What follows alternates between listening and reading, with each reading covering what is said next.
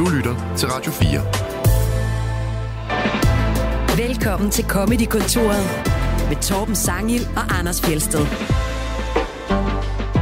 I dag fortsætter vi vores tema om nyhedssatire, og det gør vi i selskab med en mand, der har sin egen filosofi, som han kalder for en Philip-Sofi, for han hedder nemlig Philip med efternavnet Devanché. Velkommen til dig. Jo, tusind tak, Torben. Så dit nye show, Philip Sofi, det handler om, øh, hvorvidt mennesket har en fri vilje, og øh, hvorfor der er noget snarere end intet. Og Jeg må sådan ikke spoil for meget jo, men, men, Nej, okay. øh, men det er nærmest en scene ikke helt rigtigt. Det handler øh, rigtig meget om mine hverdagstanker, hvordan jeg ser på hele verden. Og øh, det sker jo nogle gange som komiker, det ved din søde kollega Hen Anders jo også fra scenen. Mm. At nogle gange så har man en tanke for hverdagen, hvor man kan se på publikum, gud, den har de også gjort sig. Og jeg har ramt ret mange af dem det sidste halvandet års tid, når jeg har gået på open mics. Øh, Du har fået meget genkendelse for dine Ja, og så tænker jeg, hvorfor ikke? Så må jeg jo filosofere lidt over det her, og så... Ja. Altså, som dansk stand-up-komiker, hvis der er en chance for et ordspil, så tager du den, og hvis ikke, så ved du det bare ikke nok. Så, øh, så det er simpelthen det, jeg er gået med. Så, så jeg, filosofi, Philip Sofi. Philip Sofie, ja. Overvejede du Jeg startede med øh, filosofi. filosofilip? Ja, den startede jeg med, men så blev jeg, så blev jeg ved med hele tiden at fumle i min egen titel, og så tænkte jeg, det her, og så så jeg den så også på en plakat, hvor jeg tænkte, jeg ser lidt tvivl om alt lige nu, så, så det går jo ikke. Man skal jo ikke blive mere i Og det tvivl. er udgangspunktet for filosofi, det er jo tvivlen. det er selvfølgelig helt korrekt, øh, ved jeg jo som skolelærer. Nej, det er jeg sgu ikke helt sikker på, om... Øh, Nej, jeg er faktisk heller ikke helt sikker alligevel, så. Der er det er meget, nemmere det er ved meget sjovt, fordi så er det sådan en meta. Ja. Nå, Jeg så det er simpelthen efter- det, Philip Sofie, øhm, så man kan jo købe en billet, hvis man har lyst til at se det på min hjemmeside, hvis man kunne tænke sig det. Og hvornår, lykke med hvornår har det. det premiere? Det har øh, første show, kører vi fra 29. januar. Så det, der okay. Skal man være meget velkommen. Mm. Så du er ikke en af dem, der øh, sælger billetter to år i forvejen? Nej, det gør jeg ikke. Øh, men vi, altså, det har været i salg siden 1. oktober. Det er fordi, vi, det, det er gået lidt bedre, end jeg havde regnet med med salget. Så, øh, så nu blev turen lige udvidet med 14 byer. Jeg troet, at det var... Sådan. Ja, det var ret lækkert. Øh. Ja. Men øh, så vi satte i salg til syv byer til at starte med. Så kom der syv mere. Og nu er vi på 29 shows. Så, så det er jo skønt. Er du blevet et eller andet hit på TikTok eller et eller andet siden sidst? Eller? Det er ikke helt forkert. jeg er bange for. Ja, men altså, det er... Du det, laver en Pelle når jeg der. står... Det er bare lidt skægt, ikke? Og øh, når jeg så står på en metrostation... Åh. Ej, nej, jeg har drillet øh, børnenes komiker med det, han ved det godt. Og øh, når jeg så står på metrostationerne, det er jo ikke så meget. Det er stand up det, det er ham fra TikTok, jeg får nu. Den gør lidt, den niver faktisk lidt, og det irriterer mig, at den niver, for det er jo stadigvæk genkendelse for noget. Det, det er jo stand-up relaterede clips, jeg lægger op. Altså open mic clips og sådan noget, og, og, og bidder, hvor jeg fortæller om stand-up-branchen og sådan nogle ting. Tager spørgsmål ind, ikke? Så, så det burde ikke irritere mig så meget, som det faktisk gør. Men altså, de 34.000 følgere, det andet slår jo de 11, der er på Instagram i, i tal. Det må man jo sige. Ja, med en faktor 3, cirka. Ja. øh, men jeg, øh, Jeg tror så ikke, det kan omsættes direkte, hvis vi snakker billetsalg og sådan noget. Men det er en anden ting. Men, øh, men der er i hvert fald sket lidt siden mit, mit sidste show. Det er, det er super. jeg var, øh, jeg var ude og lave nogle jobs med øh, Pelle Lundberg, faktisk. Ja. Som også har mange på TikTok. Og der kom nemlig nogle helt unge. De var ikke inde at se showet. De kom bare udenfor, kom bare forbi. "Åh, Det er sgu da dig der er fra TikTok. Altså, alene udtrykket dig fra TikTok. Mm. Sådan et, altså, det, det kan være mega mange. Øh, men nej, man har jeg billedet. Og så blev det bagefter hen mod mig sådan, er du også på TikTok? Så, nej, nej, ikke rigtigt. Ej, Jeg tror, er mine, mine børnebørn bruger Ja. det. Øh, Du, har du en DVD-afspiller? Ej, men jeg vil også sige, i forhold til at være genkendt for et socialt medie, det kommer for, for heldigvis an på det indhold, du lægger op på det sociale medie. Ikke? Hvis der er sådan noget, og så skal jeg lige se, hvad der var i min madpakke i dag, hver gang, så, så tror jeg også, det vil være sådan noget, hvor man tænkte, ja, det var lidt noget møg. Så er det Øhm, Instagram. Ja, lige pr- ja, Ah, det er det er meget selvfølgelig den rigtigt. Hvordan, Men tak, øh, fordi I har inviteret mig ind, gutter. Det er, er det tredje gang, jeg har fået lov at komme ind og besøge jer nu. Det bliver hyggeligere og hyggeligere. Ja, Gør det? Jeg, ja, men jeg tror, at det, det er mig, der bliver mere og mere tryg i at være herinde. Ja, Jeg, fordi jeg, du har så mange følgere på TikTok, Nej, så er det du er så fordi- mere ovenpå. jeg har Ja. børnene på min side, Torben. øh, jeg tror, jeg er skræmt af, at du har sådan en højt øh, intellekt og sådan en ordforråd, der gør mig bange nogle gange. Ah, sådan en Philip Soft som dig. Skal du ikke Ja, lade dig det skræmme burde af? du da... Jo, jo, men jeg har også brugt halvandet år på at finde på titlen. Altså, jeg bare siddet og skrevet mit navn ned og tænkt, nå, hvad gør vi her? Øh, læb, noget med læbe? Nej, det er jo ikke engelsk. Hvad gør Er vi? det nogen, er der nogen bud på efternavnet? Jeg sidder og lægt øh, de Det var en shit, der kunne man jo sige, det var en 10'er, men det er med også en billig billet, Det ikke? så nu skal, 10'er. nu skal vi passe på. Hvis din næste show bliver politisk, så skal det hedde filibuster. Det var også mit... Øh, hvad, hvad er det? jeg gad ikke engang prøve at lave det som om. Det er sådan noget i den amerikanske kongres, når man... Øh, når man øh, hvordan er det nu? Hvad er det, man gør? Ja, hvad er det nu, Torben? Ja, Torben, fortæl os det. Kom så. Og vi vil gerne have en sætning med et højt ligestal. Kan vi klare den? Er det der, hvor man forhaler tiden ved at stå og snakke om alt muligt, eller er det noget andet? Jeg kan faktisk ikke huske det, men Ja, det er bare det et sjovt udtryk. Specifikt øh, amerikansk øh, øh, politisk term, ikke? Jo, jo. Det er ikke noget, man oplever i, øh, på Christiansborg. Nej. Nej, nej. Så er det måske heller ikke den nemmeste titel til et dansk stand-up show. Nej, nej. Men det begynder med Philip. Ja. Og det er jo nok til mig. Men når nu du er, når, nu- når nu du er, når nu du er, siger du selv, du er meget TikTok, og det er meget børnenes, øh, du har på din side, så kunne du kalde det pædofilip. Men det var jo titlen på, på min øh, nye plade, som jeg kommer med børnesangen. Så godt. Skal du jo tit stave dit navn? Philip, det er med to eller. Det er så irriterende, fordi at folk spørger jo altid om Devanché efternavnet, ja. og hvordan udtaler vi det og sådan noget. Og så sagde jeg, men det har jeg egentlig ret godt styr på. I har stadig fornavnet forkert hver gang, fordi at det er med to eller, ikke? Ja. Men, Men- det er også, det er jo som om, der er stort set uh, lige mange, der har det med et og to, eller er det ikke det? Um, det, er jo, det er faktisk lidt åndssvagt jo, øh, fordi jeg er jo selv skide ligeglad. Det er jo det, jeg, grunden til, at jeg kan blive irriteret, det er, fordi jeg ved, det går min mor på. Og den Nå. er jeg så arvet, fordi at hun Fordi så mange hun gange... gjorde, altså det var vigtigt for Det hende, var at det var hende, der gjorde det besværligt, ikke? Ja. Min far, han er jo iskold. Jeg, jeg havde, mit mellemnavn er Bøje, det har jeg for ham. Det var min mor, Philip de Vinci. Min far, Torben, det var sådan, knald Bøje ind. Så er der nogen, der, der kan stave til lidt af det i hvert fald, ikke? Men han staver det så B-Ø-J-E, ligesom dem, der ligger ude i vandet, ikke? Så altså, de, de er perfekte, mine forældre, på det punkt. Det må ikke blive for nemt for knægten, vel? Kæft, det, det næste show skal det hedde Den dejligste bøje i byen. Det har jeg faktisk en dum one-line om. øh. øh, ja, men altså, der er, altid, der er altid lidt salg i et godt ordspil, er der ikke det? Det er da sjovt. Men det er jo, det er jo sådan noget, selv når man sidder og knipser af stand-up, som vi godt kan finde på, Ja. så, så, så kan man nogle gange godt tænke, ja, det er sgu meget finurligt, ikke? Nu er jeg nødt til at spørge, fordi nu har jeg hørt rigtig mange gange folk tale om at knipse. Er der nogen, der knipser? Jeg har oplevet det, men jeg vil altså ikke sige hvem, fordi jeg blev så øh, møg irriteret på vedkommende. Øh, Men hvorfor, hvorfor er det blevet sådan et, et udtryk for at have en fin smag, at man knipser i stedet for at klappe? det er da jo simpelthen, fordi der er nogen, der gør. Der er jo nogen, der sidder og Men du knipser. siger, du har oplevet en, der har gjort det. Jeg har oplevet det et par gange, øh, men jeg har oplevet en kollega gøre det, hvor jeg sådan tænkte, lad være. Hold op, ellers går jeg over og... og, og Og er det en kollega med en særlig fin smag? Sig nu bare, hvem det er. da jeg så øh, Anders Månholm gøre det, øh, der tænkte jeg sådan, dude, lad være, lad være med knips. Men det kan også have været ironisk. Månhold. Stjernholm. Nå. Øh, men, men, Anders. synes, Nej, men du da jeg så det, så tænkte jeg, ah, men det kan også være, at han bare laver pis lige nu, når han gør det. Ikke? Men jeg har, jeg, har, jeg har faktisk et publikum at gøre det. Men stammer det ikke fra, er det ikke sådan en øh, øh, tennis- eller golfspiller-ting, hvor man helst Nej, ikke må det er klappe? billiard. Altså i billiard, billiard, der gør man ja. det, men det får ikke at forstyrre koncentrationen hos spillerne. Ja, og så er det blevet sådan lidt mere finere måde at anerkende på, at man knipser i stedet for at klappe. Det er sådan lidt mere øh, ude på fodboldbanen. Øh, så er det Men de få, der gør det i publikum, skal vide, vi komikere, vi vil meget hellere bare have et klap. allerhelst et grin. Allerhelst et grin. Ja, ja, ja, det vil også være akavet publikum, der kun klapper og ikke griner. Ja, er det, der er vel kun klap, hvis der også er grin, eller hvad? Eller? Jeg har aldrig oplevet... Nej, det er så ikke helt rigtigt. Hvis man dør på sin røv til et firmajob til en julefrokost, Ja, det har jeg aldrig der prøvet. kan... Nej, men det, du, altså julefrokost, det skal du prøve at optræde til, det er sjovt. Men Hey. man kan jo nogle gange opleve, at, det det, lyder sådan. at det går så forfærdeligt, at du får et klap, når du går på, så er der lidt stillhed, og så får du et klap, når du går af. Og det er den værste måde, at man kan få et klap på, vil jeg sige. Ikke? Ja. Ja, Heldigvis en sjældenhed. Som stod der halvanden time. Ja, Øh. folk sidder stadigvæk. Fi- filosofi var der bedre. Hvorfor, hvorfor brugte han ikke det? Det skulle han da have sagt i stedet for. Ja. At der er jo nogle komikere også, der kan bruge deres timing til at aftvinge en klapsalve. Øhm, Yes. du, du kan holde nogle pauser, eller du kan sige noget, der er øhm, sådan noget holdningsrelateret. Ikke? Ja, Sådan eller noget, hvor- gentage samme sætning igen og igen og Ja, igen og igen. Og så noget, lige hvor- pludselig så kommer publikum, ah, okay. Så hvor folk den. giver et bifaldet netop for Ja. anerkende, men måske ikke griner så meget. Og der er jo også, det har jeg i hvert fald bemærket, så er nogle blandt nogle lidt nyere komikere, der tæller de der klapsalver. Altså måler deres succes i, hvor mange gange klappede folk. Det bedste er, hvis de overhovedet ikke klapper, fordi det Mm. får de ikke tid til, fordi de griner hele tiden. Mm. Øh, Jeg har oplevet, at hos danske publikummer, der er der tit klap ved callbacks, som om det er et signal til, at øh, Ja. hov, nu genkender vi noget, så, så må vi klappe. Komikkens svar Jeg- på en jeg jazz tror- solo. Jamen, Den skal ja, jeg sgu lige have. det har jeg også, det er helt rigtigt, Torben. Og jeg tror også, det har noget at gøre med, at øh, dem, som jo ikke ser så meget stand-up, som vi gør, vi er jo nørder inden for det her, ikke? de tænker jo også, nå, det var da et fedt greb, hvor vi andre er sådan, ja, jo jo. Eller også så er de bare glade for, at de genkender noget. Ja, men det kan også være, men der, det, det, jeg tror, det er en kombination af de to ting, ikke? Jeg tror udpræget grad, det handler om, at publikum gennemskuer der, det der knep, det har vi luret. Det anerkender vi med en klapsalve.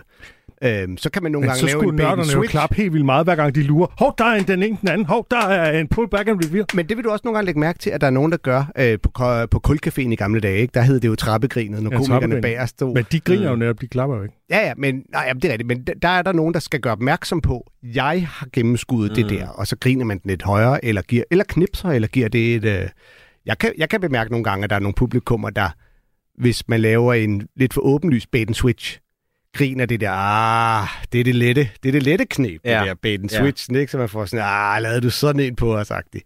Øh, men med det rigtige callbacket, det får altid sådan et, øj, det er også fordi, det tit betyder, at nu er showet nok slut. Men altså som komiker, det ved du også, Anders, hvis man så Eller rammer... nu er biden slut, ikke? Det, Jo, men det, man, der, der er virkelig også mange, der slutter deres show på et callback. Ja. Ja. ja, det er rigtigt nok. Og så som komiker, hvis man har et callback, man selv synes er sjovt, man bliver lidt stolt af at få grin på den samme joke to gange. Det gør man altså, fordi man Ja. er sådan, ja, og så god var jeg. Og så, og så kan man, men så var callbacket måske så ikke finere, men, men det kan også noget at have et godt callback. Det kan det da. Ja, ja, altså et godt callback. Er du sindssyg, mand? Det, jeg synes, det værste er, når man kan høre, det der, han siger nu, det er for at lægge op til et callback.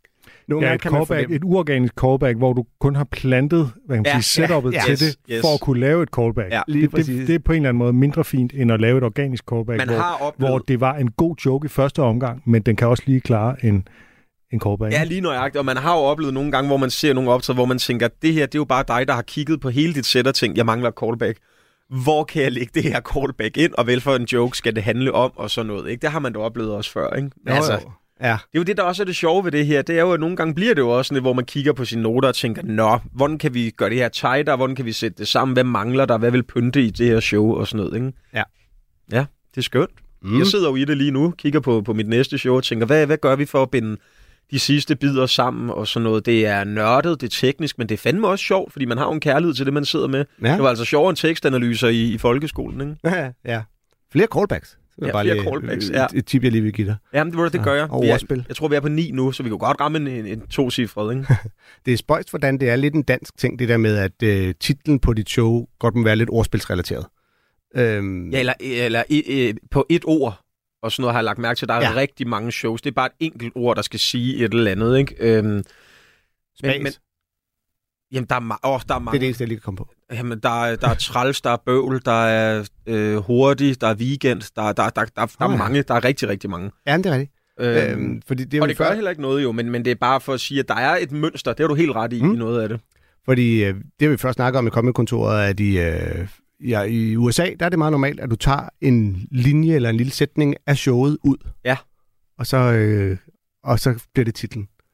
Hvilket også er fedt. Jeg ved ikke lige, hvorfor vi gør det så meget her. Altså, Mike. Birbiglia, den der nye med The Old Man and the Pool, tror jeg det hed, At the Pool. Det Det er jo jo også... en pool, ja. Ja, og det giver jo også mening i forhold til noget, der, der bliver talt om, men det siger jo, hvis man bare læser titlen, så, så fatter man jo ingenting af, hvad, hvad det her handler om. Man det har jo- en idé, når man det kender er jo, ham. et, det er jo, et, det er jo et, en parafrase over Hemingway, en af Hemingways mest berømte romaner, The Old Man. Du and er the så klog, Har, Torben. læser du ikke Hemingway? Øh, det, det er faktisk først noget, jeg starter på her fra januar. Mm. Vi skal lige være færdige med ja. Anders Sand. Der er også, han har nemlig også den der, der hedder The Old Lady and the Filibuster. Nå, nå men den skal jeg prøve. Den skal Den jeg prøve. god. Det lyder godt. Det kunne man lave et show over, tænker jeg. ja. Og jeg er faktisk lige begyndt, undskyld, det er det helt andet ting. Jeg er lige begyndt at læse, tvinge mig selv til at læse. Der, hvor jeg bor, der har vi en læsesal i, øh, i øh, foreningen. Og så har jeg øh, nu to gange eksperimenteret. Jeg er lige begyndt faktisk. Så har jeg købt en bog, der hedder Vanedyr. Jeg Nå, synes er så du spændende. Og så lader jeg min telefon ligge op i lejligheden, og så jeg har mit ur på, ikke? så sætter jeg mig ned i læsesalen, og så giver jeg mig to timer hver gang, hvor jeg skal, jeg, fordi jeg godt kunne tænke mig at læse. Det er fordi, jeg har, jeg har rigtig meget tankemøller, og mit hoved flyver rundt. Ikke? Så nu vil jeg prøve at tvinge mig selv til at lære og sådan, at læse ordentligt og nyde det, for jeg vil fandme gerne være sådan en, der nyder en bog. Men det er svært. Første gang, jeg sad dernede, jeg brugte næsten de første tre kvarter af de to timer på hele tiden at skulle starte forfra på sætninger og, og øh, altså, eller linjerne i bogen, ikke? Og sådan, følg nu med for helvede, og kan vide, og går jeg glip af noget på telefonen nu? Det er jo det er helt vildt så junkie man er af det der lort, ikke? Jo. Øhm, men, men jeg prøver, så jeg skal nok nå til Hemingway. Jeg har hørt gode ting om ham. Det er en, Ja. ja. det er en herre, ikke? En mand. Det, det er en mand, Ja, skide godt, ja. og, og den gamle mand havet, uh, The Old Man and the Sea, den uh, handler om en mand, der fanger en fisk. Er øh, jo Vanedyr, er det en god bog? Ja, den er faktisk vildt spændende. Du skulle, øhm, skulle prøve at være ham, hvor, øh, hvis, hvor din gode ven og kollega giver dig en Dostojevski-bog, og du føler dig lidt presset til at læse den og finde ud af, shit, det er langt. Den er fandme god. Ej, den er sgu ikke lang. Det er hans korteste, absolut korteste roman, jeg har givet dig. Jo, jo, men, men, men hver side føles som tre sider. Det ved sproget, det er, det, det er gammelt og langt. Det kan være, jeg når derhen. Jeg tror, om 10 år, Torben, så giver jeg dig et kald og siger, Nå, nu er jeg klar. Kom med noget svært. Det var dobbeltgængeren, du gav mig, ikke? Jo. Ja. Du har glemt det. Jeg nåede ikke så langt.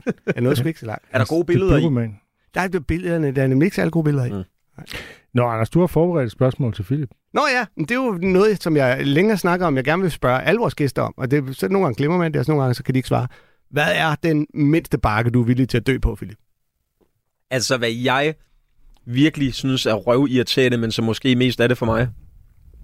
Ja, eller sådan du vil kæmpe for. Eller det... som ikke er verdens største problem. Som ikke er Israel-Palæstina, men... Noget, der irriterer mig. Jeg fandt en uh, computer. Jeg, jeg er sådan, når jeg, min computer bliver slidt, og sådan, når man køber sådan en ny, så smider jeg dem ikke ud. De gamle, dem beholder jeg. Mm. Som er en eller anden latterlig grund. Jeg ved ikke hvorfor. Det er my precious, ikke? Det skal blive hjemme. Så fandt jeg en, det er en sand historie, det her øver. Det lyder som om, det er noget, jeg sidder og digter. Men, men for 12 år siden, lige da jeg begyndte med stand-up, den computer, jeg havde, det jeg fandt jeg forleden. Så åbner jeg den. Jeg bruger koden, samme kode på en computer, så den var jo nem at komme ind i. Der var et dokument, der hed øh, PBDPC, Philip Boy de PC. Og øh, jeg har ændret koden på den nye nemlig, så held og lykke. Øh, og I kan bare hacke ind og så stjæle alle de skoleopgaver, der ikke engang kunne klare et firetal. Godt. Øh, der fandt jeg et dokument. I det dokument, det hed Jokes og løse idéer der var 47 Word-sider, jeg havde glemt. Altså nogle, jeg Med havde... jokes? Ja, inden jeg begyndte at optræde. 47? Ja, ja, men jeg blev også sådan helt, da jeg åbnede, sådan, gud, det er en bachelor. Det er en bachelor i stand-up. Der er et helt show her. Og så begyndte jeg at sortere. Nu er vi nede på to sider, hvor jeg tænker, det her kan jeg arbejde videre med. Så der er faktisk nogen, du kan bruge? Det tror jeg. Jeg er Ja. ude at teste dem Ja, lige ja. pt. Mm. Nå, der var en note fra da jeg var 20 år gammel, om noget, jeg stadigvæk den dag synes er irriterende. Folk, som øh, er i praktik eller har haft et udlandsophold, og nu er den person bare den, de er, når de kommer hjem. Har ikke prøvet det, når de kommer hjem, og så de ændrer sig helt radikalt. De er et helt nyt menneske. Og øh, jeg kendte en, der på et tidspunkt, ingen øh, navne nævnt her, men som var i praktik i Tyskland og kom hjem, og så simpelthen glemt alt, der var dansk. Tyskland, I skal prøve det. Det er så meget federe. Sådan, Philip, vil du lige række mig? Åh, vi er sakst, mand. Åh. Hun var sådan, Julie, du har været i Flensborg i tre uger, mand. Ikke? Du handlede i Flækgård. Det er det mest danske, du kan gøre, at handle i grænsehandlen for helvede. Ikke? Sådan en, det var sådan en note, jeg fandt, og så der tænkte jeg, det kunne være den. Folk, der lige tager hen et sted, og så har de 14 dage på Hawaii gjort den til et nyt menneske. Hold kæft, hvor er det irriterende. Det skal de holde op med. Ej, det synes jeg er røvirriterende. Det må jeg altså sige. Ja, det, det kan og, jeg og, godt og, følge. hvis, og hvis 14 dage i udlandet kan ændre dig så meget, så var der kraftet med plads til forbedring, inden du rejste. Det er jeg ked af at sige. Det var der altså. Jeg har været ude og været på Mallorca, altså det er bare en helt anden kultur. Jamen har I ikke mødt de typer, der kommer hjem? Jo, jo, jo. Så har de lige fået den der halskæde der. Altså, det, det er sådan en ungdomsting, tror Ja, jeg. Ikke? ja. Øhm, øh, der, der kan jeg godt huske, altså dem der, der lige havde været på et eller andet ophold og kommer hjem. Og, Så havde de en rygsæk på i Thailand i, i 12 dage, ikke? og du ved slet ikke, hvad buddhismen er, Philip, før du har prøvet den. Sport, sport mand. Jeg er da så ligeglad. den, synes, den, det var en note, hvor jeg fandt den af, prøver jeg at have med op på scenen lige for tiden, for den synes jeg faktisk kan noget, især for de yngre publikummer, for de genkender det. Så, så har de alle som den veninde i, i, venindegruppen, hvor de peger, over, det er så meget dig, Karoline. Ikke? Så var du i Japan, uha. Ja. Vi øh, skal tale om nyhedssatire i dag. Det er ikke noget, du gør dig så meget i, Philip. Nej, overhovedet ikke stort set, faktisk. Men øh, så kan du få lov at forholde dig til det, når andre gør det. Gerne. Jamen, jeg nyder det. Vi begynder faktisk et, øh, et ret hardcore sted, øh, nemlig i den her konflikt, som ikke er til at komme udenom i de her uger, selvom man har lyst til at glemme alt om den, fordi den er så håbløs. Og øh, ja, det er Israel-Palæstina-konflikten. Det var ikke en bait switch til en eller andet andet. Øh, og det er jo ikke, øh, den krig er jo ikke spor sjov øh, i sig selv. Og det er ikke let at lave satire om det, men det er jo den hårde opgave for de her nyhedssatirikere, at de ligesom er nødt til at forsøge at finde en satirisk vinkel, også om det, det, der er forfærdeligt og ikke er sjovt i sig selv. Ja, Og der gør man jo som regel det, at man tager fat i de ting, der ligger ligesom udenom selve begivenheden, ikke? Jo, og især dem, der er rigtig gode til det, det er jo nemlig, hvor de, det bliver sådan en blanding af komik og reel nyhedsformidling. Øhm, altså, øh, Daily Show, John Oliver, Stephen Colbert, tæt på sandheden, hvis vi skal nævne noget dansk. Ikke så? Mm. Og øh, man har jo også hørt om øh, unge mennesker, der jo får deres primære nyheder via den her slags øh, nyhedsformidling. Ikke? Øhm, og det, altså, den der disciplin med at kunne tage de her seriøse emner og store og aktuelle emner, og så også gøre det sjovt, og stadig holde fast i en vis grad af nogle journalistiske principper osv., det er, det er sgu ret imponerende, dem der er gode til det. Og, øh, og ja, nu skal vi jo så høre øh, John, John Oliver Last Week Tonight. Han er, han er edder med god til det. Ja, de må vi hellere sige, ja. fordi der jo er nogle ja, ja, skribenthold bag Holdet ham. er Ikke? godt, men, men han er god til at Han er levere også det. god, helt klart. Øhm, ja, fordi og der, der er jo stor forskel på netop dem, der tager de store, tunge historier op som ham, og så dem, der måske tager de lidt du ved, mindre, lettere hi- nyhedshistorier op. Det er jo, øh, når det er live fra Bremen, de har nyhedsindslag. Mm. Eller, så Og så er der langt ned til os med ordspillene. Ja, ja. Og, og den her udsendelse, øh, øh, det her, den her specifikke udsendelse, der handler om Israel og Palæstina, er du meget begejstret for, Anders, sådan i det hele Ja. taget, for vi skal kun høre et kort klip. Ja. Derfor får man måske ikke indtryk af, så hvis du lige kunne sige noget om, hvad, hvad er grebet øh, grundlæggende? Jamen altså, grundlæggende er grebet jo bare, at han tager fat i historien. Øh, og vi skal høre fra indledningen. Han starter med at vise en eller anden helt fjollet video af et marsvin, der rutscher på en rutsjebane, og siger, ej, var det bare sjovt, det er noget af det sjoveste. Og det håber jeg lige kan nyde, fordi nu øh, bliver det lige øh, lidt tungt. Og det er, jo, øh, det er jo halvdelen af, hvad skal man sige, af øh, evnerne, det er at kunne komme ind i det her emne, uden at alle bare hopper fra og siger, ah, nej, nej, nej, det er for betændt. Mm. Det skal du ikke lave jokes med. Øh, og, og det er simpelthen den indledning, vi bare lige skal høre. Og så kan man jo efterfølgende gå ind og finde programmet og se det, fordi jeg synes, det burde være pensum. Ja, og så det vi hører er bare optakten, som, som mest handler om, hvordan folk opfører sig på sociale medier. We're going to dive straight in with our main story tonight, which concerns the ongoing war between Israel and Hamas. A sentence which is a terrible way to start a comedy show and a great way to end a first date. And look, before we even begin, I know a lot of the conversation surrounding this has been extremely heated. You may have seen friends or co workers posting hot takes that have shocked you. Suddenly, that guy who offered you Coke at a wedding is writing thesis long Instagram stories on the two state solution. Kathy from work is posting something that's anti Semitic in a way that you really hope she doesn't realise. And it's all shoved in between your favourite influencer showing whole while also calling for a free Palestine. The internet is a wild place. Ja. Jeg synes jo, jeg kender de her typer ude på internettet. Øh, Jeg synes, jeg har en del Facebook-venner, der øh, i hvert fald har sådan nogle meget skråsikre holdninger til den her meget komplicerede konflikt, og som ligesom kun ser sagen fra den ene vinkel.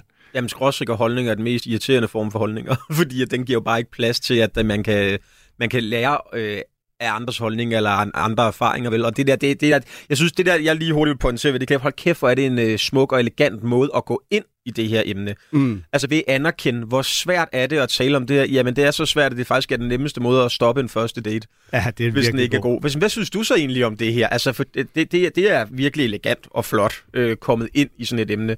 Nok en grund til, at jeg ikke snakker så meget om nyhedsmedier, så elegant er jeg slet ikke på scenen. Det der, du var fandme flot. Ja. Øhm, Der er du bedre til at slutte første dates. Jamen, jeg er heller ikke så god til sådan noget med, med, med nyheder, når jeg laver stand-up, fordi at, at det, der er en tidsbegrænsning øh, begrænsning på, hvor længe det her er aktuelt. Ja, det er det. Hvis jeg skal forberede show til om to år, så er det et, kan I huske øh, sæson 1 af Kolonihaven på TV2? Ja. Ikke? Det, det holder ikke. Men det der, det, typerne kender man jo også, ja. Dem der, der skriver noget, hvor man tænker, hvis du havde sat dig lidt mere i det, vil du vide, at der er to sider af en sag. Det er der jo altid. Og, øh, og jeg, hvad, hvad, hvad min egen holdning til er, altså, jeg holder bare altid med de civile. Det er, simpelthen, det, er simpelthen det rigtige at gøre. Alle, der kommer til skade, det er dem, vi skal passe på at beskytte. Ikke? Jo. Men, men, øh, men det, det, det er et meget betændt emne at tage op. Det er også derfor, det er så spændende, når der er nogen, der tør, synes jeg også, at Ja. gøre det. Ikke? Ja, ja, og det er jo, øh, altså, det er jo, det er jo netop meget præcist, at der er den her øh, coke type, der pludselig skriver en lang roman om, hvordan og hvorledes, og så er der hende der, der skriver noget, som hun nok ikke helt selv er klar over, hvad det betyder. Altså, jeg synes, han, han nailer dem bare, og så den der, der skriver Free Palestine midt i noget, hvor man tænker, hvad fanden foregår der, du Mhm. står og viser dit bare røv. Det er, det er bare tre pisgode eksempler. Og der er jo selvfølgelig nogle billeder, vi så ikke ser her, Ja. ja. øh, som, som ligesom illustrerer Ja, øh, ja, deres ja, opslag. Ikke? Øhm, øh, og, det, og jeg er fuldstændig, altså, jeg har det ligesom dig, Philip, altså det, øh, og derfor så har jeg, altså jeg, jeg blokerer sådan på en eller anden måde lidt for dem der, der, der har nogle meget sådan entydige holdninger, og, og går kun ind der, hvor der er en eller anden form for dialog. Altså, og det, Ja. behøver, det er jo ikke en dialog mellem øh, Netanyahu og Hamas, det er. Nej. en dialog mellem for eksempel danske jøder og danskere med palæstinensisk baggrund eller sådan noget. Mm. Det synes jeg er interessant at høre om, øh, hvordan de ligesom kan mødes, øh, nogen der er interesseret i dialogen. Ikke? der bliver man jo så også glad, når man faktisk ser både dialog, men også respekten for hinanden i dialogen. Ikke? Det ser man jo heldigvis også. Altså, det er jo ikke kun skræmmekampagne. Nogle gange ser man jo også nogen, hvor man siger, jamen, øh, vi skal lige huske, at den krig foregår alligevel et stykke herfra, den skal vi altså ikke have med heroppe i Danmark, dem der er kommet hertil. Vi skal ikke starte den herop. Der skal ikke antændes noget her i Danmark heller for det, og vi skal finde ud af, hvordan vi løser det dernede samtidig. Det synes jeg er rart at se også. Ja. Problemet er, at, at nyhedsværdien er ikke så stor, hvis Ekstrabladet skriver en uh, forside med, og at de gav hinanden hånd til sidst.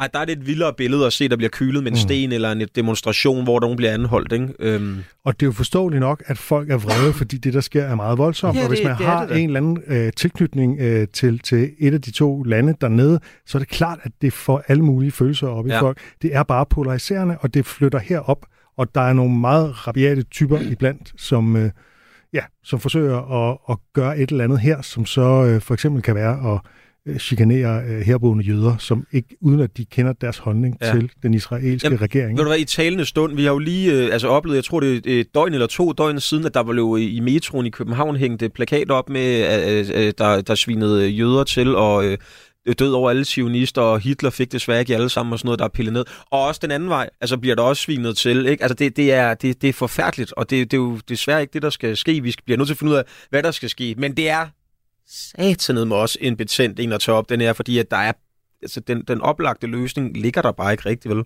Ellers så var den jo fundet.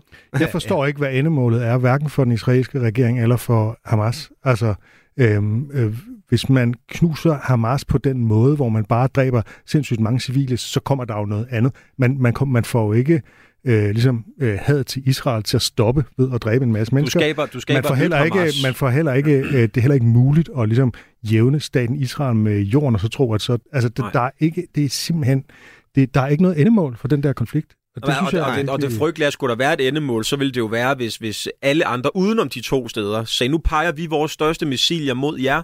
Første sted, der løsner et skud, det sønderbomber vi fuldstændig. Men det er jo ikke en løsning. Men, men, Nej, men for det er jo bare endnu mere vold, ikke? lige præcis, det er det. Altså, der er... Åh, det, det, kan I høre derude, lytter? Det er derfor, jeg ikke skal lave stand-up om det her, fordi at det er så ubehageligt et emne. Det er det jo Ja, også. men- øhm, men, men, der er så øh, så flot, når der er nogen, der prøver, og faktisk synes jeg, der, der, der var ikke noget i det, vi lige hørte i klippet der, som øh, valgte side, eller som svinede nogen til. Det Ej. der, det var bare en måde at få folk til at grine på. Ja, vi anerkender, at det her, det er en satan at snakke om. Ikke? Ja, ja, og nu hørte vi jo også, også kun indledningen. Altså, der kommer Ja, ja. En, øh, en god halv time, øh, eller knap en halv time efterfølgende, hvor han... Og det var det, jeg fiskede efter at få dig til at forklare, ja. Hvad grebet er. Jamen, jamen, det er ikke fordi, der som sådan er et, et greb, men han tager os bare ligesom igennem situationen, som den er øh, øh, lige nu, eller for et par uger siden, da det her øh, udkom. Øh, og hvordan det hele ikke er så enkelt, og du ved, enten er du med jøderne, eller også er du med terroristerne som man jo ofte får indtryk af, når man øh, går igennem sit øh, feed på sociale medier. Og han siger jo også, jeg har ikke tænkt mig at gå igennem historien eller alt det der, men som det ser ud lige nu, I skal ikke tro, at alle palæstinenserne holder med Hamas. Fordi der er alle dem her, der synes, de er nogle spader. De har ikke engang været med til at vælge dem. De fleste er for unge, bla bla bla. Alle skal heller ikke tro, at alle jøderne synes, at Netanyahu og hans øh, i øvrigt ret ekstreme øh, regering er top top. Fordi der er alle dem her, der er Mm. utilfredse med ham og synes, han er en idiot. Og så, øh, du ved, Hamas var nogle idioter, der gjorde sådan og sådan, men Netanyahus regering er altså fyldt med nogle øh, ret vanvittige ekstremister, der også siger nogle vanvittige ting. Og han peger dem bare ud på begge sider, øh, på skift hele tiden, og ligesom gør Mm. opmærksom på, og så, siger han, og så står der bare alle de her stakler i midten, der lever i sådan et fængsel. Øh, kæmpe stor open air fængsel, øh, hvor de så i øvrigt får bomber i hovedet øh, lige pt. hele tiden. Øhm, jeg synes, han, han gør det på en sindssygt fed måde, og hvor man sådan, altså selvom det var utrolig seriøst, øh, så indimellem lige får, ah, fordi han så også lige får udstillet nogle af de idioter, man så hører Ja, ja, ja, indimellem, der netop siger dumme ting. Ikke? Ja. Øh, så, så, øh, så udover at jeg bare var sådan lidt, den her intro, der jeg hørte, den var sådan lidt, wow, det er jo sgu en fed måde at komme i gang med et emne, hvor man tænker, så vil jeg gerne se resten. Så synes jeg også bare, at han siger det på en måde, som jeg ikke rigtig har set andre gøre. Øh, og det er måske bare, fordi det jeg ellers har set er Twitter-opslag for folk, der bare er, øh, kan- de kunne bare lade være at starte en krig. Ja, men det er også fordi, det bliver så enten eller. Det jeg synes, det der det er den rigtige måde at gå til et hårdt emne på, det er, hvor man i hvert fald også bliver nødt til at joke, altså lave sjov, hvis man skal lave satire over det, begge sider af, af, af den her sag. Det går sgu ikke, altså at du må helst ikke lave sådan noget, hvor folk de kan lægge det op på en vægt og sige, hov, der var to jokes mere om jøder. Hvad mener du med det? Altså, det, det går bare ikke. Og der er det, du nævnte det før. Folk er utrolig nidkære med det der. Altså, man kan Helt faktisk ikke sige noget, uden at blive beskyldt ekstremt. for at være biased, og det bliver vi sikkert også, selvom altså, det, at vi virkelig forsøger, eller hvad. Altså, det, det, er, det er umuligt at sige noget neutralt i, kan man ikke øh, mere. i denne her konflikt. Det er så polariseret. Og det er jo Øh, ikke så kun der her. sidder allerede sikkert en masse vrede lyttere derude. Øh, Der skal vide, der skal vide, at øh, i mit næste show er der ikke nogen holdninger til noget. overhovedet. Det er så røvsygt Der er og holdninger til folk, der har været i praktik i udlandet. Ja, det skal I fandme lade være med, mand, hvis, I, hvis det er den, I er, når I kommer hjem. Jamen, prøv, at- jeg har også selv en podcast, og det kan ikke gå galt med min kollega Mads de Krak. Der er en dag, så, så får øh, Mads lige nævnt noget med, åh, han var ude og køre i weekenden. Lastbiler, der overhaler på motorvejen. For helvede, hvor er det irriterende at sidde bagved. Så kommer der en besked til os. I skal bare lige vide, hvis ikke der var lastbiler på motorvejen, var der ikke tøj i butikkerne, der var ikke mad i øh, køledisken. Men vi har sgu da ikke sagt, at I ikke må køre på motorvejen. Vi har bare sagt, at det er ærgerligt at gå fra 130 til 60 i timen en gang imellem på motorvejen. Må man ikke sige det heller? Og sådan nogle, og sådan nogle får jeg også selv tit beskeder. Ja. Og der handler det så bare om at trykke blokere, eller bare sende en smiley ønske dem en rigtig god dag. Men det kan man så bare ikke lige med det her emne, fordi at her snakker vi faktisk børn, der for helvede dør, ikke? Ja, og det er ikke for, altså, nu kan jo også godt være mit feed alt for øh, bredspektret, men når jeg, når jeg ender set, det er jo ikke folk, jeg, hvis holdning jeg beder om, øh, der dukker op. At du ved, der kommer masser, og, og i øjeblikket går det jo i retning af, at du kan jo kraftedeme ikke give udtryk for noget som helst, uden at blive beskyldt for alt muligt andet oveni. Men folk tror altid, du har en agenda, når Nå, du var, siger, du, at var, det du er med til, ting. var du med til demonstrationen, hvor, hvor man gerne vil hjælpe at have fred i Palæstina, eller lade de civile være, så er det fordi, du støtter Hamas og terroristerne, ja, Ja, ja. så går du bare ind for, at jøder skal dø. Nej, sådan det Nej, ikke. kunne det være, fordi jeg synes, det er Ja. forfærdeligt, hver gang en mor mister sit barn? Kunne, kunne det være derfor? Ja, Jeg så det er en- frygteligt. Jeg så en, der råbte From the river to the sea. Det kan kun betyde, at han øh, hader alle jøderne og synes, de skal gasse. Så jeg nej, nu det, du er simpelthen stop, jeg kan det ikke. Men det er også, der er også, altså det er de samme, øh, jeg, jeg har fra min øh, fortid nogle øh, venner, som er meget mod politiet. Virkelig ikke kan lide politiet, fordi de engang har fået en bøde, fordi de gjorde noget ulovligt, og det er da godt nok også for dårligt, ikke? Og så kommer der jo så det her med, at der har været noget med politiet i øh, Vejle, der har været op i, i pressen, der har også været noget internt her, hvis det er i København med nogle ting og sådan noget. Og så alle betjente bare, øh, A-cap og fuck dem og 13-12, og det er bare sådan noget, vil I, godt, vil I ikke godt lade være med at være så ekstreme, når I ytrer jer? Og så i øvrigt, alle der tror, at fordi de har et socialt medie, så skal vi høre, hvad I tænker hver gang. Det, det, nej, Der er det, du kan bruge det, du har brugt et par gange her i udsendelsen, nemlig ordet spurgt. spurgt, man. Ja. Men så sådan nogle typer, de svarer bare svaret, og så kører den bare igen. Ikke? Ej, nu har Nå, du givet det tip. ja. Nå, Jeg spurgte, ja. Øhm, ja, ah, men som, altså, en, vi lægger, øh, kan lægge linket. Øh, den er, lige det der ligger også på YouTube. Vi kan lægge linket op i, på Facebook-siden, når øh, vi får øh, programmet ud i æderen, og jeg synes langt hellere, man skal bruge en halv time på det, end på alle de der øh, selvudnævnte meningsdannere og tastaturkriger, der bare skriver alt muligt random på øh, Facebook. og næste gang man ser en smide noget op på Facebook, gå ind og kig på deres profil og sige, hvem siger det her? Hvem er vedkommende, der faktisk ytrer det her? Okay, du sidder i din kolonihavehus et sted, og det er skide koldt, og Mette Frederiksen synes, du bare er en rigtig møgkælling. Ved du hvad, du skal have lov til at have din holdning, og så har jeg min, og så behøver vi ikke bruge mere tid på det. Skal vi høre en, der har en lidt lettere Nu historie? tror jeg, ja, nu trækker vi lige vejret. Så går vi til øh, noget, øh, lidt, øh, en lidt mindre konflikt. Vi skal, vi skal høre et indslag fra Jimmy Kimmel Live, og øh, ja, han præsenterer selv, hvad det er for en konflikt, det handler om. Men vi skal lige sige, at øh, det sammenklip, vi hører, det er fra en masse forskellige amerikanske nyhedsudsendelser. We're living in a very challenging time. Everyone is so it's so divided. We have Democrats against Republicans. We've got Israelis versus Palestinians. We've got Russians versus Ukrainians. We've got Hall versus Oates. Did you hear about this? Daryl Hall filed a restraining order against John Oates. Say it isn't so. Daryl Hall is suing his longtime music partner, John Oates. Say it isn't so. Trending this morning, Hall is suing Oates. Say it isn't so. Say it isn't so. Say it isn't so. Say it isn't so. Well, say it ain't so. Hall and Oates will always be together, right? no, no, not at all. Apparently, they can't go for that anymore. No can All notes are saying, I can't go for that. No, no, not playing. Daryl said, uh, I can't go for that. No can do. I guess you could say that they are out of touch. Seems like some private eyes are watching Oates during solo tours. When they stopped making each other's dreams come true is unclear. The attorneys in court is like, uh, Your Honor, my client alleges you're a rich girl and you've gone too far. Apparently, they've lost that loving feeling. That loving feeling. we couldn't resist. I'm sorry. No, you should be sorry because there's nothing funny about this. This is I have to say this is this is yacht rocked my world. This news about Hall and Oates. Mean, first of all, I love Hall and Oates. I do both of them. They are I don't know they're one of if not the greatest. I'm not even talking about music. One of the greatest duos of all time. He's right up there with Batman and Robin and peanut butter and jelly, macaroni and cheese. They- are to popular music what Cheech and Chong are to bong hits in the back of a van. And I know they've broken up before, but there's a big difference between breaking up and filing a restraining order. Nick Cannon and Mariah Carey broke up. OJ had a restraining order. Okay? At Hall and Oates, I mean, if the guys on stage singing, "You make my dreams come true," can't get along. What hope do any of us have? We, this is like finding out Hootie ate all the blowfish. Okay. So my hope, no, actually not my hope, my prayer is that this is some kind of stunt to remind us of how much they mean to us, and we'll get upset, and then they'll come back. They'll announce they're going on some kind of a reconciliation tour, which I would 100% be at. But my guess is that it's not. My guess is that this is a real conflict. And if it is real, Daryl, John, if you're watching this, please try to work this out for the good of the kids. And if you need me to help, I, I'm going to say. I will be honored to sit down with you both and talk this through because otherwise, I don't know how we recover from this. Once every generation, God selects one insanely talented white man and sends him an adorable mustachioed sidekick that everyone loves. It's divine intervention. And how do I know this? I'll tell you how I know it. Because I live it. Every single day. Og her der skal vi så sige, at han står med sit eget mustache sidekick, nemlig uh, Guillermo Rodriguez. Ja, ham der altid bliver sendt ud på en røde løber for at stille dumme spørgsmål. Og som har et meget markant uh, overskæg. Ja, lille tyk mexikaner med overskæg, som jo er vildt sjov.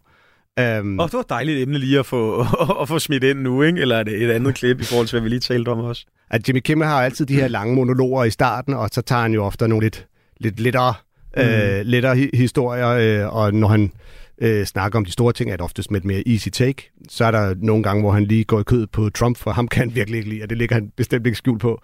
Men det er klart, altså John Oliver ligger i den, hvad kan man sige, den, den tunge ende af de her nyhedssatire-shows i USA, ikke? Jo. Som, som virkelig tager fat om nogle hårde emner og går, går ned i dem, og man bliver faktisk en del klogere af at se dem. Ikke? Jo. Hvor man kan sige, at uh, Jimmy Fallon og Jimmy Kimmel ligger sådan lidt mere i den lette ende. Ikke? Ja, ja, bliver skrabet lidt mere i overfladen. Derovre, ja, ja, John Oliver er jo et decideret nyhedsprogram, øh, med, altså komisk nyhedsprogram. Og det her er jo Jimmy Kimmel, der laver en åbningsmonolog inden sit øh, et mere klassisk talkshow. Ja. Øh, og der er jo mange af dem, der netop bruger den der åbningsmonolog til at lave det her nyhedssatire og joke på nyhederne også, for de skal jo stå der hver dag. Øh, eller flere dage om ugen i hvert fald, ikke?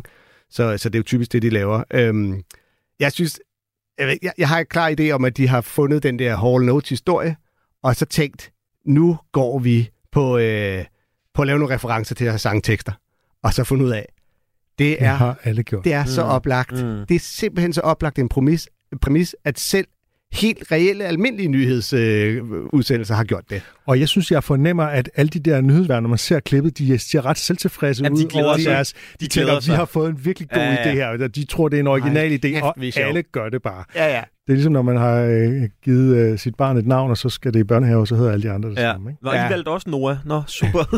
Men det er, det, det er vildt sjovt. Altså, og man, altså, men også der, man skal se kurven på. De fleste er gået fra uh, Say It Ain't So, og så langsomt videre til No Can Do, og der er lige et enkelt, der Mm. kører out of touch, og, øh, og så dernede er der, der er en dag nu, undervejs, der siger, ah, ked af, vi kunne ikke lade være. Så ja, det, det, kan, det kan jeg fornemme, vi ikke kunne. Men, Men den har øh, vi også over. Ikke? Det danske landshold, der er jo ikke nogen spillere, der kan ramme bolden der, uden der kommer et eller andet dumt ordspil også i pressen. Ikke? Altså, den der, det, det er en global pandemi.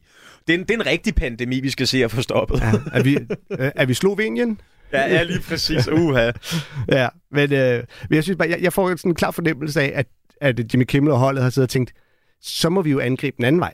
Hvad så med bare at påpege, at dem, der lavede den idé, vi først havde fået, er nogle idioter, der mm. har valgt, en lidt idé, og så går den anden vej rundt. Og han kan jo så jo heller ikke øh, selv holde sig fra lige at gå lidt på den med at sige, this yacht rocked my world, som bliver den reference til, at, at Oates jo spillede jagt rock, som man vist kalder den der form for soft rock. De Ja, spillede det har aldrig sagt mig noget af deres musik. Jeg forstår ikke, at, man, at de skulle være så store. lige præcis 0% bag på mig.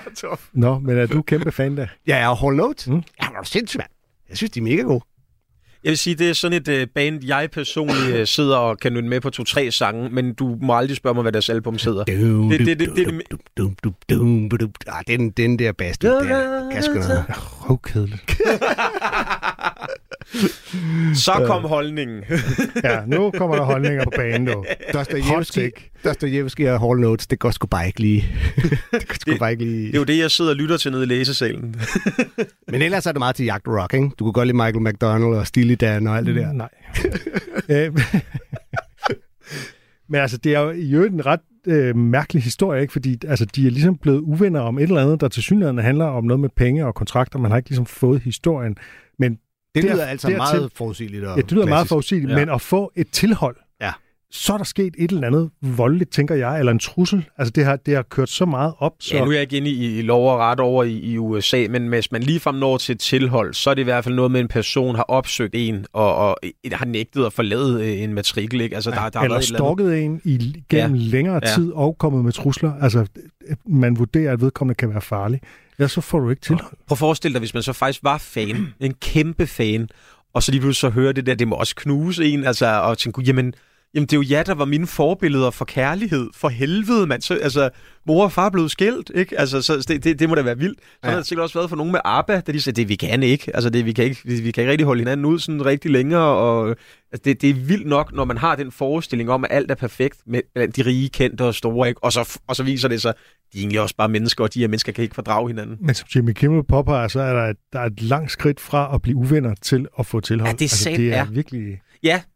Jo, men hvad, og Ja, ja, men- hvad de hedder? Bridge over Troubled Water. Simon og Garfunkel. Ja, der, er- der, jeg tror ikke, de vi har ude tilhold, men der, der har man jo hørt så mange historier om, at altså, de, de, de ankommer øh, til, til destinationen, hvor de skal spille sammen, når de har spillet sammen, og, og vil slet ikke kigge hinanden i øjnene, før de står på scenen og sådan noget, ikke? Og man kan nærmest se clips af på nettet, når den ene lægger ar, øh, armen over den anden, at den ham, der får armen over, så han er nærmest ved bukser, for det vil han ikke, og ej, det... Men der er, jo nærmest, der er vel ikke lavet en musikdokumentar øh, øh, filmatiseringsting om en eller anden musikstjerne, der ikke på et tidspunkt har været rygende uvenner med nogle af dem, de arbejder sammen. Metallica sidder med en goddamn psykolog, altså en shrink, der hjælper Men dem. det er jo en, en konstruktiv tilgang. Og det smukke eksempel er jo også Fleetwood Mac i deres seneste år, hvor de var, var rygende uvenner og havde været hinanden utro og var blevet skilt. Øh, De havde været gift og været skilt. Mm. To par i det samme band, ikke? Øh, som var gået fra hinanden. med hinanden Nej, også? nej, nej. Okay. Det, det, der, der var alt muligt. Du kan Men- godt lide Fleetwood Mac, ikke? Yes, jo, sådan jo. Men ikke så meget som Stil i dagen. Æh, meget bedre end Stil i dag. Og det kan, I- og det kan I læse om på hans seneste Facebook-post. Rumors er et glimrende album, og øh, deres liveplade fra 1977, eller hvornår det er. Fordi du også ikke er det dem med Gypsy? Nummer Øh, Gypsy? Ja. Godt nummer. Det er det, det, det, der er hit på TikTok. så Det er det, du kender. Okay, Torben Sangel. Apply water. Nej, men det, det er bare ret smukt, hvordan de kunne blive ved med at lave musik sammen, selvom at de øh, på det private, personlige plan, Mm. ligesom ABBA i øvrigt og så videre, øh, altså var simpelthen i opløsning. Ikke? Mm. Men, det, men musikken øh, holdt dem et par år øh, ligesom Ja. i gang. Øh, Ja. Og det synes jeg bare havde sådan et eller andet. Musikken var større end dem. Og ellers så må Kon- du gøre som. Konspirationsteoretikeren i mig kan så ikke være tænke, var det musikken, eller var det en konto, der skulle blive ved med kubune og nogle kontrakter? Og... På det her tidspunkt var de så rige, så de, altså, de har jo levet af, af, af det der salg lige siden. Jeg vil de heller var- ikke de er ødelægge kæmpe, drømmen for kæmpe, dig. Kæmpe store. De har solgt, og havde allerede på det tidspunkt solgt mange, mange, mange millioner plader. Ellers Og må de jo gøre ligesom hiphopperne, ikke? Så må de bare begynde at lave musik om, hvor meget de hader hinanden. Det er selvfølgelig Altså rigtigt. bare svine hinanden Og til prøv at forestille dig, hvor store de er nu også på grund af TikTok. Ikke? Jeg vil sige, at det... ja.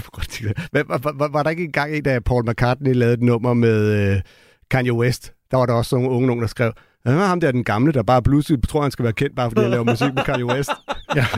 Så hv- hvis I lige gider være stille, hvis jeg hænger mig i skabet. Det er altså lidt sjovt, når generationer opdager noget, vi andre kender. Ikke? Ja. Metallica, de har jo fået en kæmpe revival, fordi de var med i Stranger Things, den der Netflix-serie. Der var et nummer, der blev nævnt Jeg der. kan tage om Kate Bush. Så kunne jamen, så James Hetfield fra forsangerne Metallica var ude og sige, vi, øh, vi kan lige pludselig se altså i salget og til koncerterne, at øh, vi gik fra at have folk over 30 med, til lige pludselig, at de har taget deres børn med nu også. Det er jo, det er jo, det er jo faktisk også smukt og fedt på den måde, ikke? Ja, Men ja. de, de har en psykolog nu, der holder dem sammen som gruppe. Ah, det var jo den der gamle dokumentar, den, den er Some Kind of Monster, tror jeg også, de kaldte den, og den er, den er efterhånden ved at være gammel, men hvor de havde kæmpe Ja, problemer. den er fra år 2000 eller 2001. Det er godt, de gør Ja. det, fordi nothing else matters. Ah, Det er så den Vi eneste skal til øh, jeg et kan. nyt klip nu. Øh, det tror jeg også nu. Vi. Ej, jeg vil så sige, jeg synes jo, at øh, Jimmy Kimmel laver en ret fin øh, parallel der på, hvor meget mere alvorligt det er, når man får på polititilhold, kontra bare at blive uvenner og gå fra hinanden, som er jo det, alle de andre musikere gør, ved at så lave en Nick Cannon, Mariah Carey, øh, gik fra hinanden, OJ ja. fik et tilhold. Ja, Altså bare for sige, ja. Så ved man, hvor, hvor slemt det kan ende, hvis det, øh, hvis det går helt galt. Mm. Jeg tror, Nick Cannon, Mariah Carey er nok en bedre reference i USA end øh, herhjemme, men øh, ikke desto mindre et godt eksempel på sådan kendte musikere, der gik fra hinanden. Ja. Du kender også Enter Sandman. Ja, Og det er den med Axel Leif. Jeg har aldrig forstået, hvem han er, ham med Axel Axel Leif, der Leif. synger om. Axel Leif. Exit Light. Nå! Enter Night. og den handler, øh, ikke? den, han, den er Jeg kan meget, meget, den handler om vuggedød. Noget så uhyggeligt som det. Nå, for sagen. Ja. Jeg. Jeg tænker, ja. den vil jeg lige smide. Du spreder Er det Axel? Ja, det, Det har jeg læst i noget Dostojevski. Hvad, hvad hed det? Åh, oh, gud, det var utroligt. Jeg ved ikke, hvordan det overhovedet startede med det der Dostojevski. Det er ligesom bare det er blevet, øh, blevet øh, Anders' evindelige øh, catchphrase om mig. Næste gang jeg kommer ind, så driller vi andre sammen, Torben. du, kommer, du kommer aldrig tilbage, Philip. Anders bor i Holte. Det er jo dit sidste. Det ved jeg, jeg er lige, vi har lige været på et job sammen. Det er ved jeg, deroppe, hvor jeg- man knipser hele tiden. Ja, det gør man godt nok. Lige præcis. Vi skal høre et klip fra øh, Stephen Colbert's Late Show, som ikke er med Colbert selv, fordi det er en af de der, de har jo nogle gange sådan nogle videoer, de har forproduceret i sådan nogle satireudsendelser, ikke? Øhm, og det er med øh, Dolly Parton, eller rettere med en AI-version af Dolly Parton. In a recent newspaper interview, Dolly Parton weighed in on the dangers of artificial intelligence, saying, I hope nobody can ever replicate me or what I do. AI is a scary thing. Nobody wants to be duplicated. Machine, machine, machine, machine. I'm begging you, don't replace us humans. Machine, machine, machine, machine. Please don't destroy us just because you can. Your algorithm gives me terror.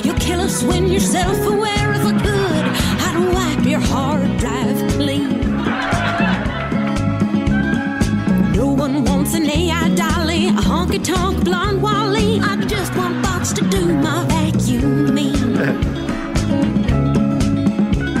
machine, machine, bleep, blorp, oh no, I'm malfunctioning. Ja, det var lidt musik. ja. Det var, øh, jeg ved det. Jeg bemærkede, at vi alle tre sad og bobbede med med hovedet til, til Det musikken er jo der. klart Dolly Partons bedste nummer, det der. Der fandt vi øh, det sted, vi alle tre kunne enes, gutter. Jolene? Ja. Og der kan jeg lige komme med, nu ved jeg ikke, om jeg kommer med et insider-tip, som alle kender, som er totalt Captain Obvious. Men hvis man på YouTube øh, googler Slow Ass Jolene, så er der nogen, der har taget øh, Jolene og lige pitchet den ned på øh, 33 øh, RPM i stedet for 45, eller hvordan det er. Og så lyder det bare heroptur. Altså, så den bliver helt langsom, så bare... Du. Og hendes stemme, og man kan høre alle fraseringer, det, det lyder så meget federe. Vi lægger den op på Facebook-siden. Det er jo, det er jo et meget brugt trick, det der. Ikke? Der er også en Men det er ikke alle version sange, af, der, hvor det Nej, der der er en det. version af Beethovens 9. som varer 40 timer eller sådan noget, hvor du, du simpelthen bare, det bliver sådan totalt ambient, øh, du er ligesom bare inde i sådan et rum af sådan Wow. flydende øh, klange. Øh, det er vildt fedt. Kan, du, kan man høre, så kan man genkende, at det er Beethoven, når man hører det? Hvis man kender det rigtig, rigtig godt. Okay. Jeg, Ja, ja, altså, vi, det vi, vi vil ikke have nogen idé. Vi vil stå sådan, hold kæft, en vild elevatorvendt musik, den her. Men altså AI, øh, kunstig intelligens, det bruger man jo allerede i musikkompositioner, især i filmmusik og sådan noget, ikke? men også i popmusik. Og... Nå ja, det var egentlig ikke engang rigtig klar over. sammenhæng. Jo, jo. Men, men alene det, at Dolly Parton går ud og siger, vær sød og lad være med at kopiere mig med AI, er nærmest det samme som indirekte at sige, øh, er der ikke lige nogen, der kan gøre det? Er der ikke nogen komikere, der vil gøre det, bare fordi at jeg helst ikke vil have det? Altså, Ja, ja. Det er så åbenlyst, at den udtalelse vil få nogen til at gøre det i ren øh, trods. Hun kunne lige så godt sige, at vi ikke godt lade være med at trykke på den her kæmpe store røde knap, hvor der står tryk på mig. Ikke? Altså, ja. Men der er jo, et, der er jo sådan et, et spørgsmål i det her, altså fordi øh, man vil, der er jo det, der hedder deepfake, hvor man kan, som er en AI-teknologi, hvor man kan efterligne nogens stemme, for eksempel, ikke? Mm. Ja. øh, og få dem til at sige og synge hvad som helst. Øh, så man vil jo kunne lave Dolly Parton, som, ikke, som Dolly Parton ikke har lavet, men som lyder som Dolly Parton, og man vil kunne sende det ud. Og spørgsmålet er, vil der være et marked for det? Vil man ikke hellere høre Dolly Parton synge Jolene, end øh, en AI, der laver en Dolly Parton-agtig sang? Det tror jeg. Altså, vi, der er blevet talt om det stand-up-krisene. Altså også om, øh, bliver vi, altså, kommer der noget og tager det her fra os? Og der tror jeg trods alt, den ægte oplevelse, den vil folk hellere have. Fordi at det er Men federe. du kan jo få AI til at lave en masse ordspil, du så kan fyre af på scenen. Øh, jeg kan fortælle, Måske ja, det der er er nogle en ting. Nå, jamen, prøv at, ko- komikere jammer med AI nu. Altså, men ikke, den kan ikke finde ud af at skrive en joke, den kan ikke finde ud af at lave en observation, men den kan finde ud af at brede et emne ud for en. Altså ChatGPT kan for eksempel lave jokes i Mitch Hedberg-stil og sådan noget.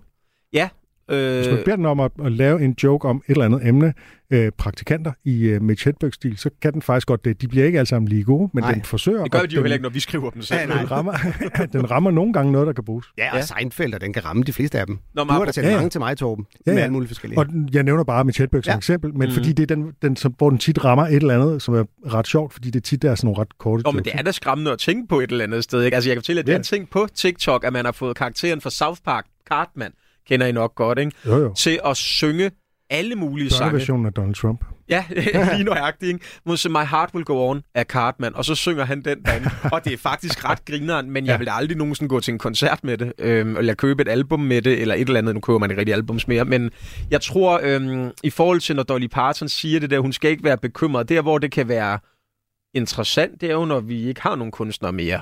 Og så sige, jamen, kunne man så på en eller anden måde stadigvæk genopleve dem på en måde, ikke? Ja. Altså, da Michael Jackson gik bort, der havde man jo den der idé med, at der skulle laves et, uh, hedder det hologram? ja. Sådan Ja. ja. Der. Ja, Hvad- og der er hvor- også, øh, ABBA har også haft en hologram. Ja. Ja, noget. øh, Tupac er der også nogen, der snakker om at gøre det med, ikke? Og øh, Gorillaz, som jo er et band, der består af øh, fiktive figurer, Ja. ja. det ville jo være oplagt, at de lavede sådan nogle... Der kunne det måske være interessant at lege med, men i forhold til den ægte oplevelse at se den rigtige kunstner, der tror, jeg, der tror jeg trods alt ikke, at det vil gøre noget. Så kommer jeg med et grænsetilfælde nu. Der er kommet en ny Beatles-sang, jeg ved ikke, om I har opdaget, en, en sang, John Lennon har lavet, og som de har fået John Lennon til at synge ved hjælp af AI, øh, og hvor øh, Ringo og Paul McCartney så ligesom spiller med. øhm, og den er ligesom blevet udgivet som et Beatles-nummer, ikke? Mm. baseret på nogle demoer, der øh, allerede fandtes. Ikke? Ja.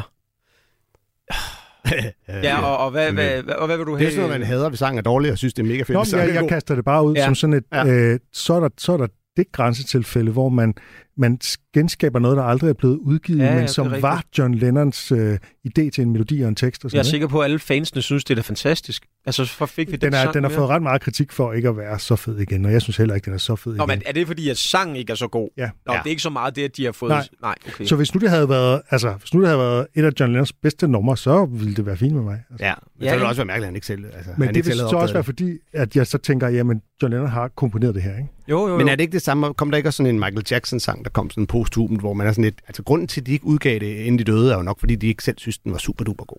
Øh, altså, Og det kommer der jo tit, altså der, så kommer der alt muligt, når nogen dør, Ja, ikke? ja, ja. Så kommer der alt muligt øh, skrab sammen, ikke? jo, men i sådan, i sådan en tilfælde der, synes jeg, det er fantastisk, at teknologien kan gøre det der. Altså, øh, men, men jeg, jeg, jeg går altså ikke og har nøjer på over det her, det må jeg indrømme, men det kan også være, fordi jeg ved live stand-up, altså det, det, det er så mange længder bedre, ja. End at skulle sidde og se det. Altså jeg har jo set øh, nogle af de dygtigste kolleger, jeg ser mest op til, så har jeg set deres tv-optagelser og tænkt, det var sgu federe, da jeg var inde og se det, og der kommer AI'en aldrig til at, at, at kunne tage os, heldigvis. Øhm, Lige, man kan sige, lige det her klip, der er det jo bare vildt sjovt, at de vælger at lave noget AI ud af en, der helt specifikt har sagt, det vil jeg ikke se, det vil være for hyggeligt, det vil jeg helst ikke have.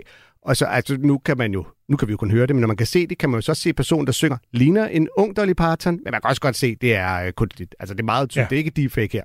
Øhm, og så har de jo så skrevet teksten til det, at det passer til, at den er sådan lidt øh, robotterne, at der er jo sådan lidt Terminator-agtigt, robotterne overtager det hele Mm. i uh, færdig Jo, det er jo faktisk en protestsang imod det, Ja. kan man sige, ikke? Øh, og det synes jeg, der er jo selvfølgelig også noget lidt, hvad skal vi sige, lidt sjovt i det lige præcis, at Dolly Parton, der ikke ønsker et kunstig kopi, mm. øh, fordi hvor meget man indholder hende, så jeg ved ikke, hvor mange, Stemmen er det eneste Originale. ægte, der er tilbage. hvor mange originale dele, der er tilbage på hende.